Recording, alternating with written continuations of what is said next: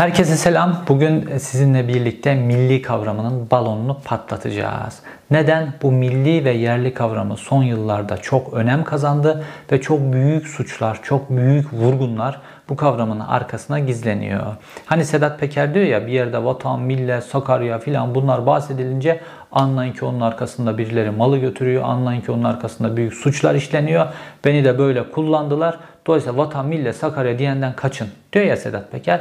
Bu yerli ve milli kavramı da son yıllarda aynı yere oturdu. Neden? Çünkü rejim değişiyor ve rejim kendi yeni söylemini üretti. Şimdi bu milli kavramının arkasına gizlenen ilk adımdan, en basit şeyden gideceğiz. Milli piyade tüfeğinden.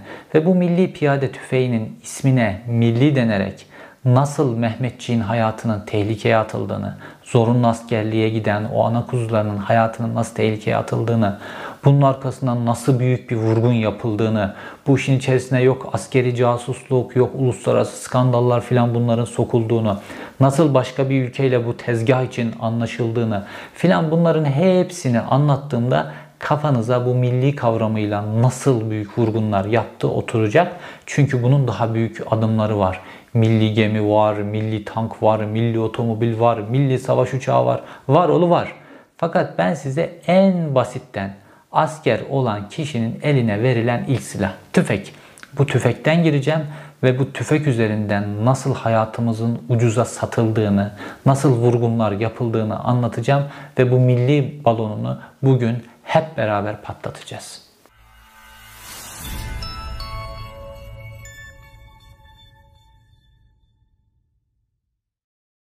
Savunma sanayi son derece önemli. Neden? Çünkü Türkiye'de esas para, esas malı kolay götürmek savunma sanayinde mümkün. Ve Adalet Kalkınma Partisi de bunu biraz geç keşfetti. 2009'larda, 2010'larda filan keşfetti. Fakat şimdi çok daha kritik hale geldi. Neden? İnşaat sektöründe para bitti. Artık böyle o zengin Araplar, dünyanın zenginleri gelip İstanbul'da, orada burada böyle milyonlarca dolar verip o böyle rezidansları filan satın almıyor. Emlak sektörüne Türkiye'de yatırım yapılmıyor. Artık böyle büyük büyük büyük inşaatlar filan yapılamıyor. Bu konuda para bitti, bu konuda deniz bitti. Dolayısıyla nereyi vuracağız? Türk Silahlı Kuvvetleri'nin kaynaklarından çok büyük yolsuzluklar yapılması gerekiyor ki rejim devam etsin. Çünkü insanlar Türk halkı her şeyinden kısar ama Türk Silahlı Kuvvetleri'nden savunmasından kısmaz. Aslında bütün devletlerde böyledir. Savunmasından kısmama yönünde refleksler vardır. Tayyip Erdoğan iktidarı da biliyor ki Türkiye'de ne olursa olsun savunmadan para kısılmayacak ve savunmaya harcadıkları para hiçbir zaman halkın gözüne batmayacak. Dolayısıyla da vurgunun en kolay yeri burası ve vurgunu buradan yapalım diye işe koyuldular ve son yıllarda çok büyük vurgunlar yapılıyor ve hepsi de bu milli ve yerli kavramının arkasına gizleniyor. Dediğim gibi ben size bugün ilk basamaktan başlayacağım. Sadece tüfekten nasıl vurgun yaptıklarını, nasıl Mehmetçiklerin hayatını tehlikeye attıklarını bu milli kavramıyla birlikte anlatacağım. Sonra belki ileriki videolarda adım adım o milli tankta, milli e, savaş uçağında, milli gemide nasıl vurgunlar yapıldığını, aslında doğru düzgün projeler yapılırsa Türkiye'ye çok büyük katkılar yapılacak şeyleri sadece nasıl vurgun üzerine kurguladıklarını anlatacağım. Fakat ilk adımımız Milli Piyade Tüfeği. Şimdi bu Milli Piyade Tüfeği işinden önce Mehmetçik 1 diye bir tüfek vardı. Bu 2006, 2007, 2008 yıllarında konuşuluyordu. Ve 2008'de dönemin Cumhurbaşkanı Abdullah Gül elinde Mehmetçik bir tüfeğiyle poz verdi. Ve dendi ki işte bu bizim %100 Türkiye sermayesiyle %100 Türk mühendisiyle ürettiğimiz bir silahtır. Bundan 3 adet prototip ürettik ve bu 3 adet prototipi deniyoruz başarılı oldukları takdirde ki sonra açıkladılar başarılı oldu ve biz bunu Türk Silahlı Kuvvetlerine 500 bin adet üretip teslim edeceğiz dendiler. Hatta haberler yapıldı. Mehmetçik bir Türk Silahlı Kuvvetlerine teslim ediliyor. Fakat bu gösteriyi yaparken bir hata yaptılar. Ve Cumhurbaşkanı Abdullah Gül'ün eline verdiği tüfek, ellerine verdikleri tüfekte bir kısım yazılar vardı. ULM yazısı. Almanya'nın Ulm kentinin kısaltılmışı. Ve orada başka kodlar da vardı. Bunların hepsi Almanların bir tüfeklerinde kendilerine ait Heckler Koch firmasının HK416 e, isimli tüfeğinde kullandıkları yazılardı bunlar. Ve hemen Almanya Heckler Koch firması devreye girdi. Fakat doğrudan dava açmadılar. Neden? Çünkü Türkiye ile Almanya'nın ta Osmanlı döneminden getirdiği askeri alanda, savunma alanında işbirlikleri var. Dolayısıyla Almanya da Türkiye ile ilişkilerini böyle hemen e, sıkıntıya sokacak bir adım atmaz. Türkiye de Almanya ile ilişkilerini sıkıntıya sokacak adımları böyle kolay kolay atmaz. Çok cesarete alamaz. Çünkü işbirliği çok sıkı. Ve Türk Silahlı Kuvvetleri'nde zorunlu askerliğini yapan herkes bilir. Bizim kullandığımız iki tane tüfek vardır. Biri saldırı tüfeği dediğimiz G3. Bu normal Alman yine Heckler Koch firmasının tüfeğidir. Makine kimya endüstrisinde Almanların lisansıyla üretilir. Aynı isimde üretilir ve Türk Silahlı Kuvvetleri de 10 yıllardır bu tüfeği kullanır. Bir de e, MG3 otomatik tüfek hali vardır. Bu da yine özellikle Güneydoğu'da filan sıkça kullanılan tüfeklerden bir tanesi, otomatik tüfeklerden bir tanesidir.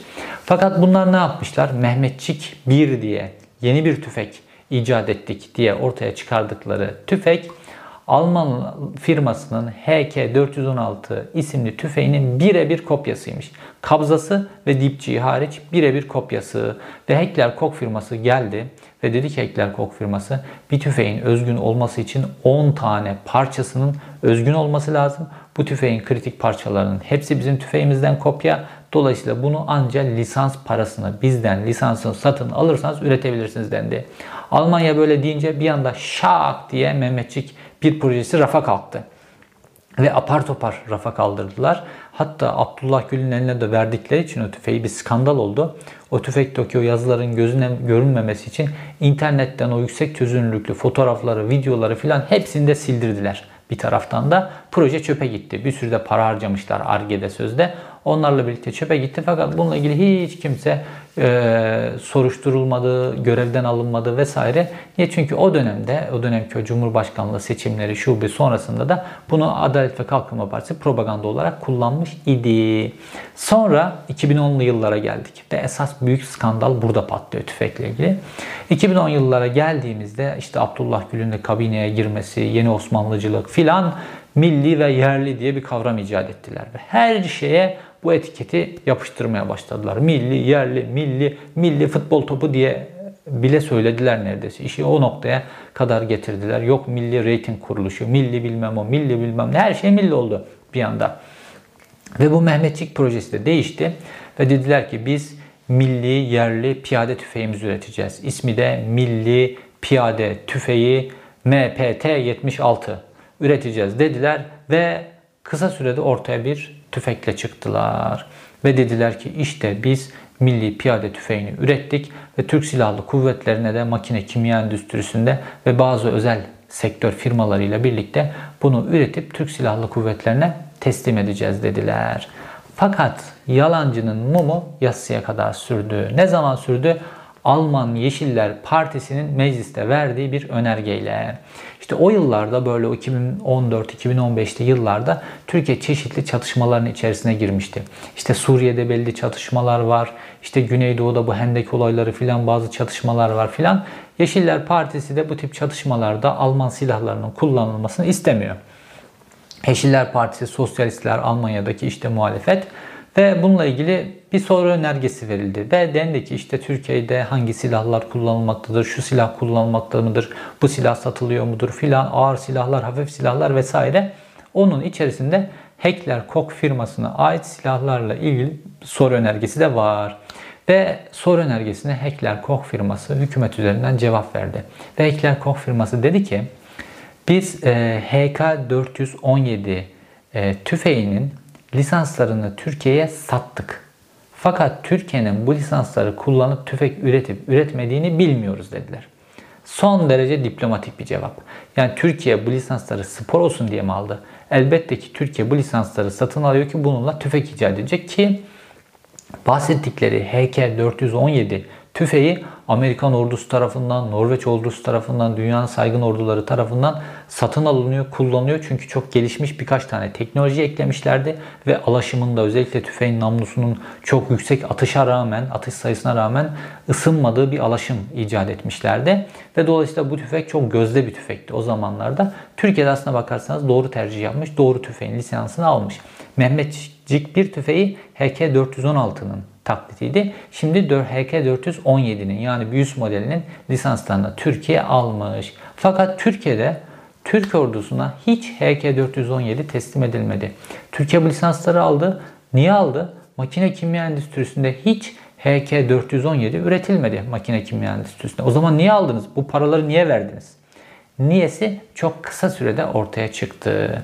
Ve silah uzmanlarının yaptığı karşılaştırmada olayın e, bam çok kısa sürede ortaya çıktı. Ve baktık ki Milli Piyade Tüfeği'nde işte Almanların e, o uyarısı dikkate alınmış. Hani Almanlar diyor ya 10 tane parçası özgün olmak zorunda diyor ya.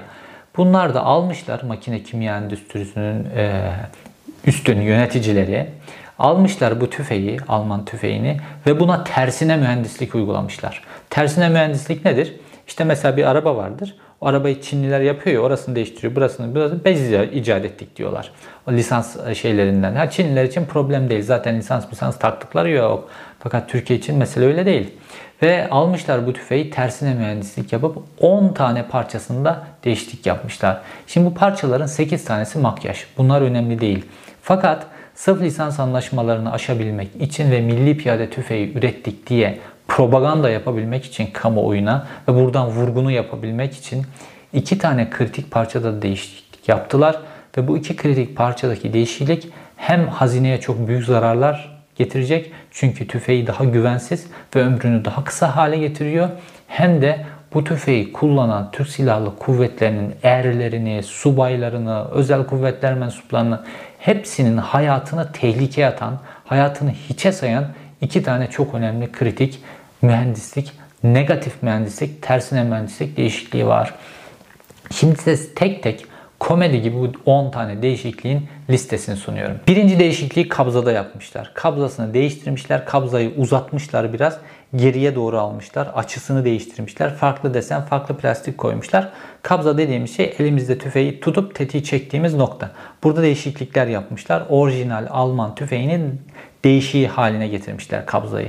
İkinci değişiklikte dipçiyi değiştirmişler. Normalde Alman firma dünyada standart olarak kullanılan ve yüzlerce çeşidi satılan herkesin kendi istediği gibi renge, tahta mı kullanmak istiyor, metal mi, plastik mi, şeffaf mı filan yüzlerce çeşidi satılabilen bir tüfek mekanizması var. Hani cep telefonunun şarj aleti gibi hepsi birbirine uyan iPhone hariç uymuyor.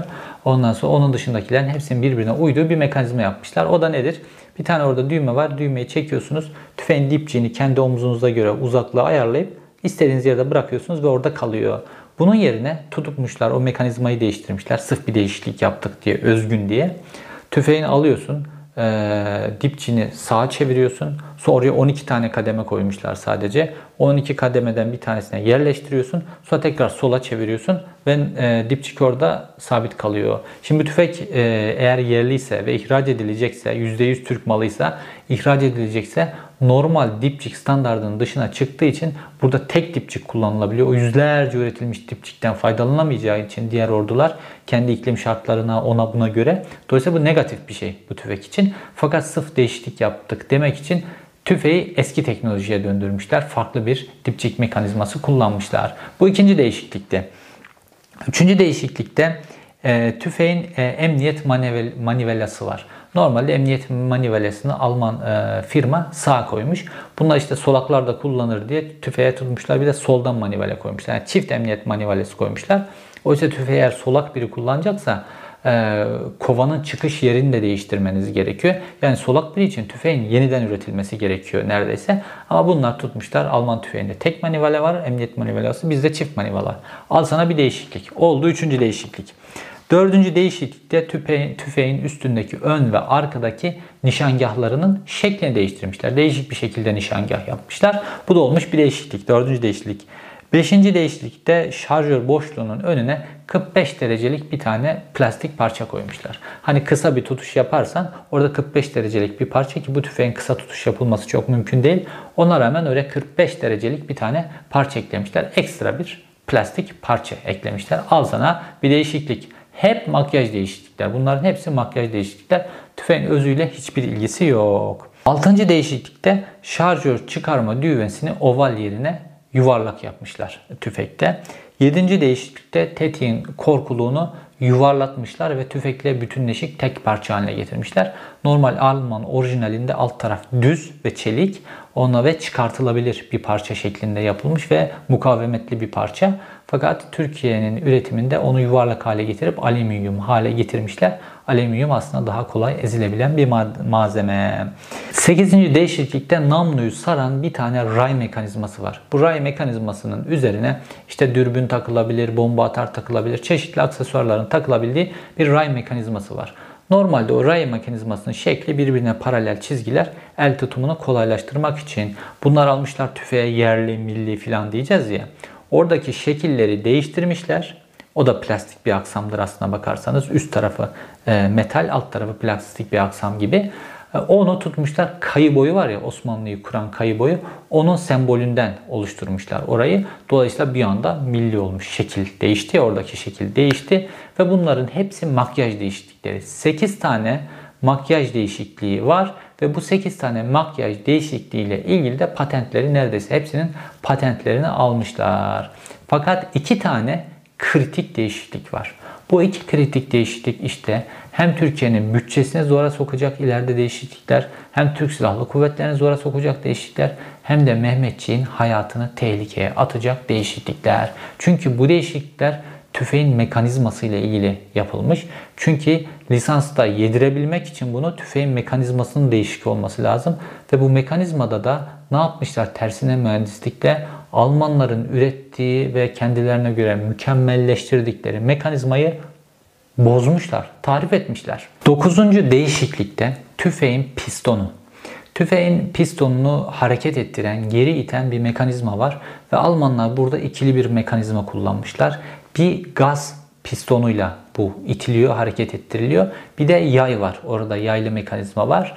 Ee, e, milli piyade tüfeğinde bu ikili mekanizma yerine sadece dipçiğin içerisine oval biçimde yerleştirilmiş bir yayla pistonun hareketi sağlanmış. Fakat bütün silah uzmanları üzerinde ortak durdukları nokta bu değişiklik e, tüfeğin ömrünü kısaltacak bir değişiklik. Çünkü hem gaz mekanizması hem yay olduğunda pistonun hareketi son derece muntazam bir şekilde, hatasız bir şekilde oluyor. Fakat sadece yaya güvendiğiniz zaman o yayın ömrü, yayın gücü, yayın alaşımına bağlı olarak tüfeğin esas mekanizmasına sürtmeler, hasar, tüfeğin esas mekanizmasının ömrünü kısaltacak bir durum ortaya çıkıyor.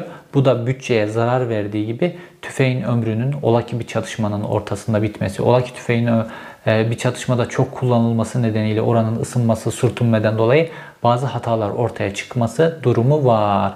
Ve 10. değişiklikte esas olarak çok daha büyük bir skandala imza atmışlar. Şimdi boş kovanı atan bir mekanizma var. Ve orijinal Alman tüfeğinde HK417'de buraya ikili bir mekanizma koymuşlar. Mekanizmalardan birisinde bir arıza olduğunda ikinci mekanizma boş kovanı dışarı fırlatıyor ve tüfek tutukluk yapmadan, tüfek arıza yapmadan görevine devam ediyor.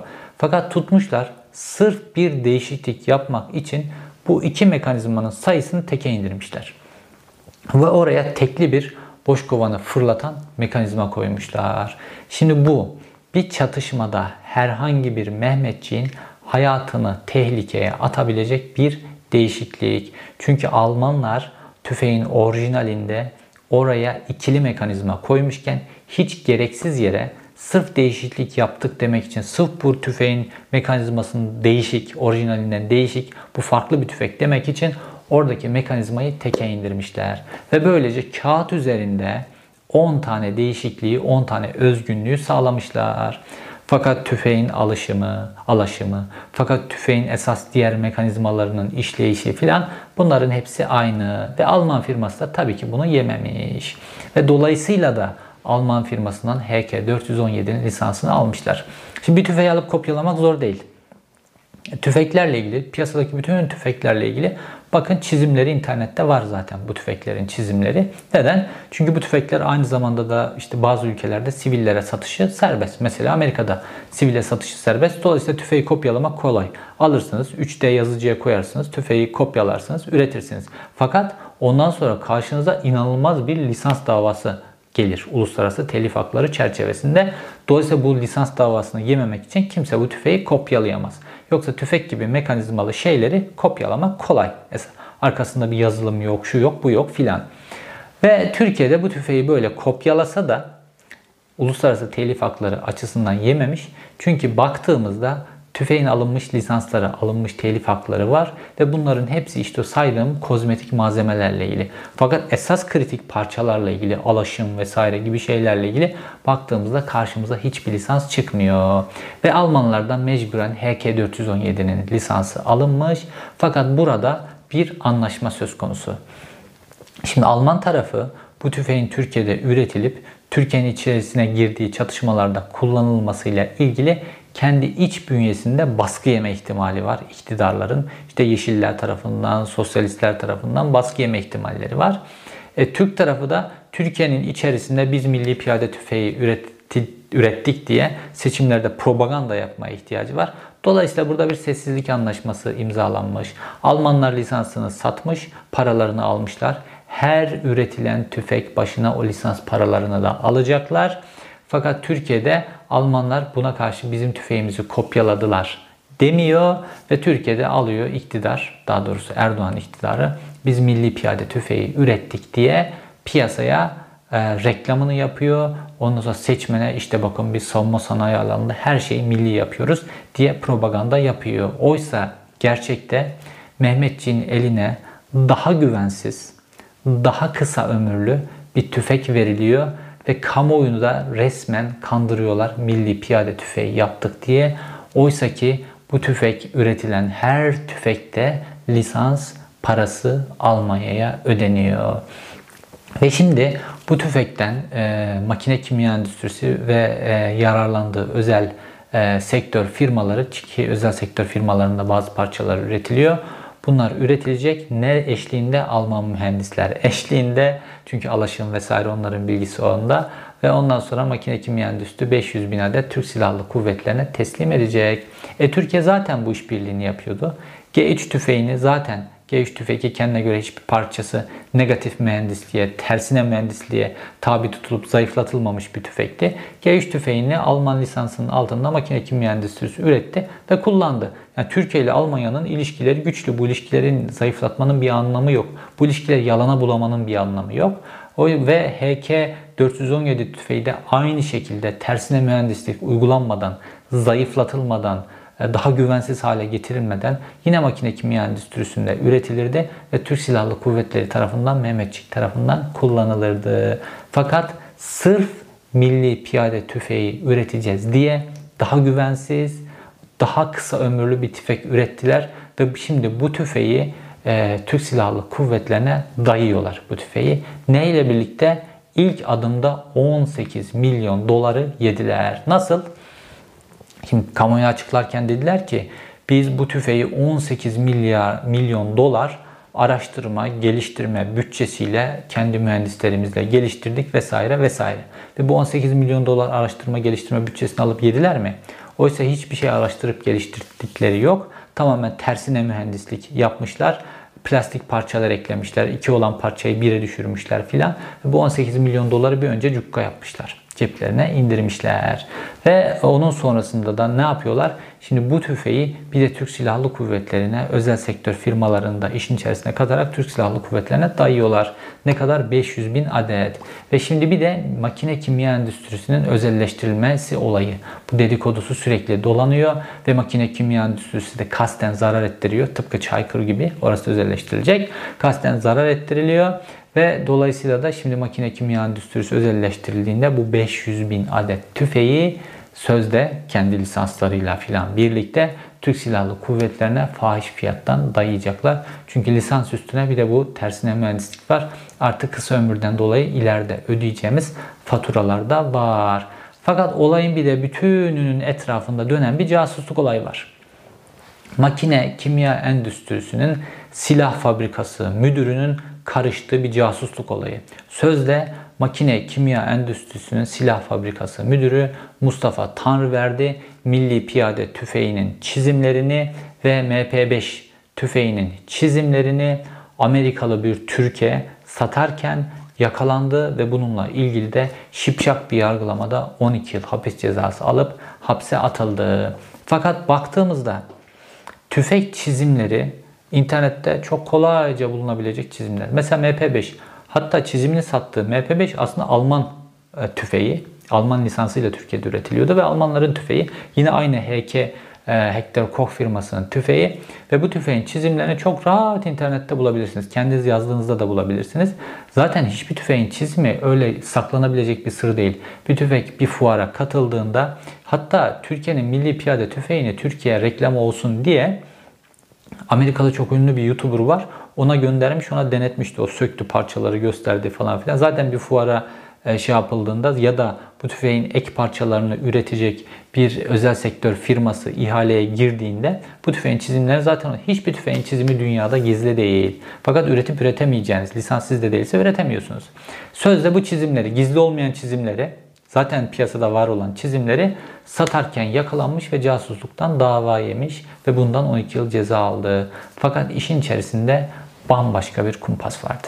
Gazetelerde ve televizyonlarda bir gün şöyle bir haber duyduk. Makine Kimya Endüstrisi Silah Fabrikası Müdürü Mustafa Tanrıverdi Milli Piyade Tüfeği MPT-76 ve Alman malı MP5'in e, çizimlerini Amerika Birleşik Devletleri'nde yaşayan bir tane Türk iş adamına satarken suçüstü yakalandı filan. Görüntüler, fotoğraflar eşliğinde böyle büyütüldü hadise ve Mustafa Tanrıverdi 29 yılla yargılanırken 12 yıl hapis cezası aldı ve jet hızıyla cezaevine gönderildi. Fakat adamın iddianamesine, Mustafa Tanrıverdi'nin savunmasına, polisin olayın operasyonun nasıl yürütüldüğüne ilişkin bütün o fezlekesine falan baktığımızda ortaya gariplikler çıkıyor. Şimdi satılan silahlardan bir tanesi MP5. Bu Alman malı bir silah ve dolayısıyla da Almanlar hemen devreye girerlerdi. Siz bizim silahımızın çizimlerini, sizin fabrikanızın müdürü çizimlerini Amerikalı bir iş adamına satıyor diye devreye girerdi. Öncelikle telif hakları ile ilgili, lisans hakları ile ilgili. Fakat Almanlar hiç devreye girmediler. Neden? MP5'in çizimleri zaten internette var. Piyasaya ne kadar tüfek sürülürse bunun çizimleri zaten internette var. Ha yoksa da o tüfeği bir şekilde edinirsiniz. O tüfeği 3 boyutlu olarak tararsınız ve o tüfeğin aynısını üretirsiniz. Burada üretmek o tüfeği çizimlerle elde etmek filan problem değil. Dolayısıyla da hiçbir dünyadaki en gelişmiş, en pahalı silah sahibi firmalar bile çizimlerini internette paylaşmaktan yüksünmüyorlar. Hatta ne kadar mükemmel olduğunu göstermek için kendileri paylaşıyorlar. Çünkü alıp onu taklit etmek mesele değil. Taklit ettiğinizi anladıklarında öyle davalar açarlar ki size o tüfeğin lisansının 30 katı parayı alırlar sizden. Dolayısıyla da çizimleri kimse gizlemiyor. Çünkü tüfek tabanca dediğiniz şeyin arkasında bir yazılı mı bu filan bir şey yok. Yani bu bir mekanizma şeklinde işleyen bir şey. Yani bir Mercedes'i alıp onun motorunun parçalarını tek tek ayırıp filan yapmak gibi bir şey. Yani ki Mercedes motoru bile içinde bir yazılım var, o var, bu var. Tüfek öyle bir şey de değil. Tabanca öyle bir şey de değil. Şimdi bunu aynı savunmayı makine kimya endüstrisinin müdürü Mustafa Tanrıverdi de yaptı. Dedi ki bu milli piyade tüfeğiyle ilgili kendini savundu. Alman şeyle ilgili savunmuyor zaten. Diyor ki bu tüfeğin parçalarının lisansı zaten bende diyor.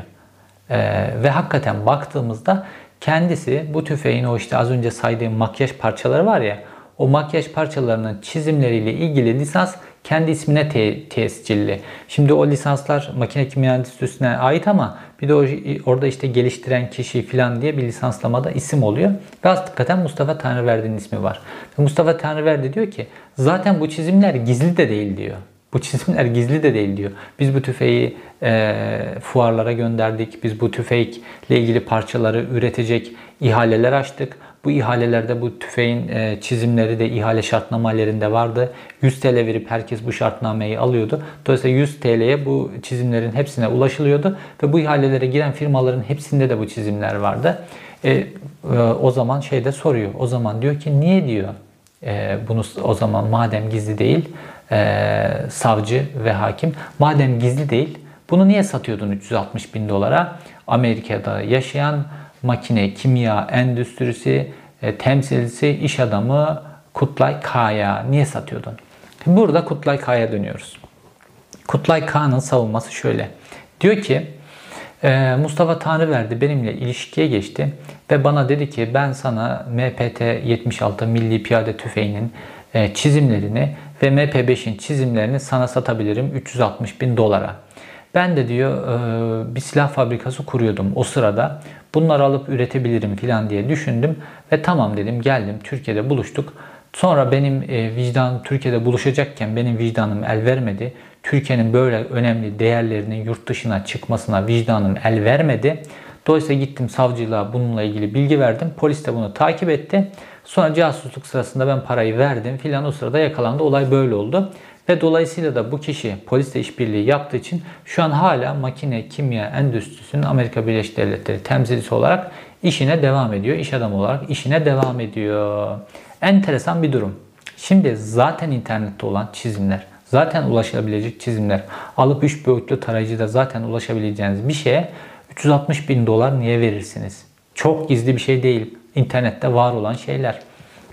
Yani ne makine kimya endüstrisinin silah fabrikası müdürü e, Tanrı verdi. Bu çizimlerin zaten internette olduğu, zaten bu çizimlere ulaşılabileceğini bilmeyecek kadar salak ne de Amerika Birleşik Devletleri'nde silah fabrikası olan ve silah satım işi yapan birisi bu çizimlerin internette olduğunu çok kolay biçimde 3 boyutlu olarak da çıkartılabileceğini bilmeyecek kadar salak. Bu işin içerisinde bir tezgah var.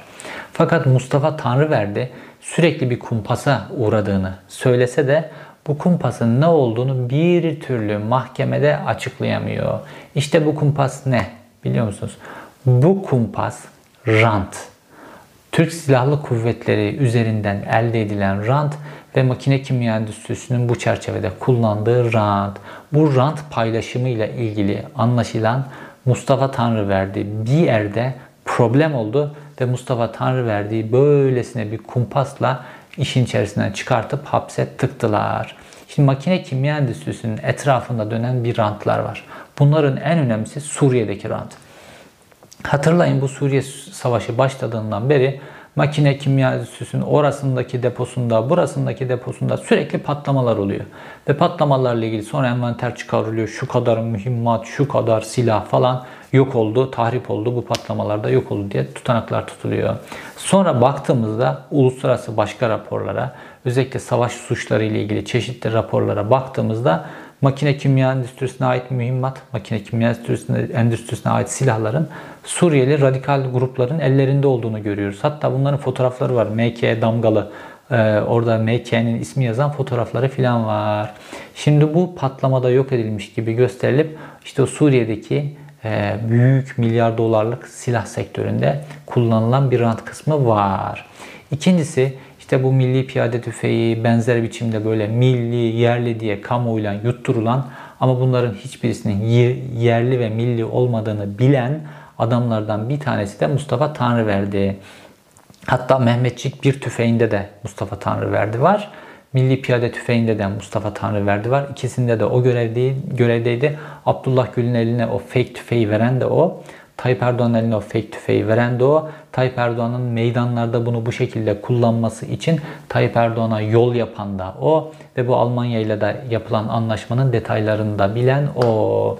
Fakat anlaşılan bir yerde rant paylaşımı, para paylaşımında Mustafa Tanrıverdi bir yerde önlerine engel olmuş ya da bildikleri itibariyle Mustafa Tanrıverdi'nin susturulması gerekiyor. Belki de Suriye silah Suriye'ye giden o patlamış, yok olmuş silahlarla ilgili ve Mustafa Tanrıverdi'ye böyle inanılması güç bir hadise olmuş ve Mustafa Tanrıverdi de bundan dolayı şimdi 12 yıl içeride. Zaten internette olan ve zaten internette olduğunu bilen bir iş adamına internette olan çizimleri satmak ve bu silahlardan bir tanesi de Alman malı. Alman e, Heckler Koch firmasının kendi internet sitesinde bile var çizimleri. Bir tanesi de MPT-76 diye bütün dünyanın aslında Alman Heckler Koch firmasının HK417'nin kötü çakması olduğunu bilmesine rağmen. Evet, bugün size milli piyade tüfeğini anlattım. Bu milli piyade tüfeği ilk adımdı. Bunun daha milli savaş uçağı, milli gemi, milli tank falan filan bir sürü ayakları var. Ve hepsinde çok büyük vurgunlar var. Milli piyade tüfeği ilk adımda 18 milyon dolara geliştirdik diye bir araştırma geliştirme vurgununu yaptılar. Şimdi her tüfek üretiminde her tüfekte ayrı ayrı ayrı vurgun yapacaklar ve bundan AKP'li bazı iş adamlarının dolayısıyla da rejimin sahiplerinin cebi dolacak. Türk Silahlı Kuvvetleri'nin Mehmetçikleri daha güvensiz, daha kısa ömürlü silahlar kullanacaklar. Bundan dolayı hazinede zarar uğrayacak. Mehmetçiklerin canı da tehlikeye girecek. Bundan dolayı can kayıpları olacak. Ve burada ben size ilk adımda sadece tüfekten başladım ve bu milli balonun nasıl bir balon olduğu, aslında hiçbir milli, yerli üretecek kapasite bunlarda olmadığı. Çünkü büyük kapasite meselesi siz getirip Türkiye'nin en iyi üniversitesi Boğaziçi Üniversitesi'nin başına rektör olarak doktora tezi baştan aşağı çalıntı olan bir adamı rektör olarak koyarsanız ülkenin en iyi üniversitesinin başına sizden hiçbir bilim üretmez. Siz tüfek de üretemezsiniz, otomobil de üretemezsiniz, tank da üretemezsiniz, gemi de üretemezsiniz. Bunların hepsinin içerisinde yalanlar var. Ha Türkiye'nin geçmişten beri, Cumhuriyet tarihinden beri getirdiği birikimler var ve bu birikimler savunma sanayi alanında bazı şeyler ortaya çıkarıyordu. O noktaya gelmişti, çıkarıyordu fakat bunların hepsini ranta kurban ettiler. Bunların en dramatik olanlarından biri de milli tanktır. Bu milli tank konusunda ayrıca haber yapacağım. Türkiye gerçekten kendi tankını üretebilirdi. Fakat o Etem Sancak'la beraber bunu nasıl ranta bulaştırıp nasıl bu ihtimali yok ettiklerini, o milli tankın hala Türk Silahlı Kuvvetlerine teslim edilemediğini ve onu o projenin nasıl değiştirilip çöp haline getirildiğini bunu da anlatacağım. Fakat dediğim gibi yalanları yıkmak için önce ilk adımdan, ilk basamaktan başlamak gerekiyor. İlk basamak tüfekti. Askerin elindeki en önemli, en basit silah tüfektir.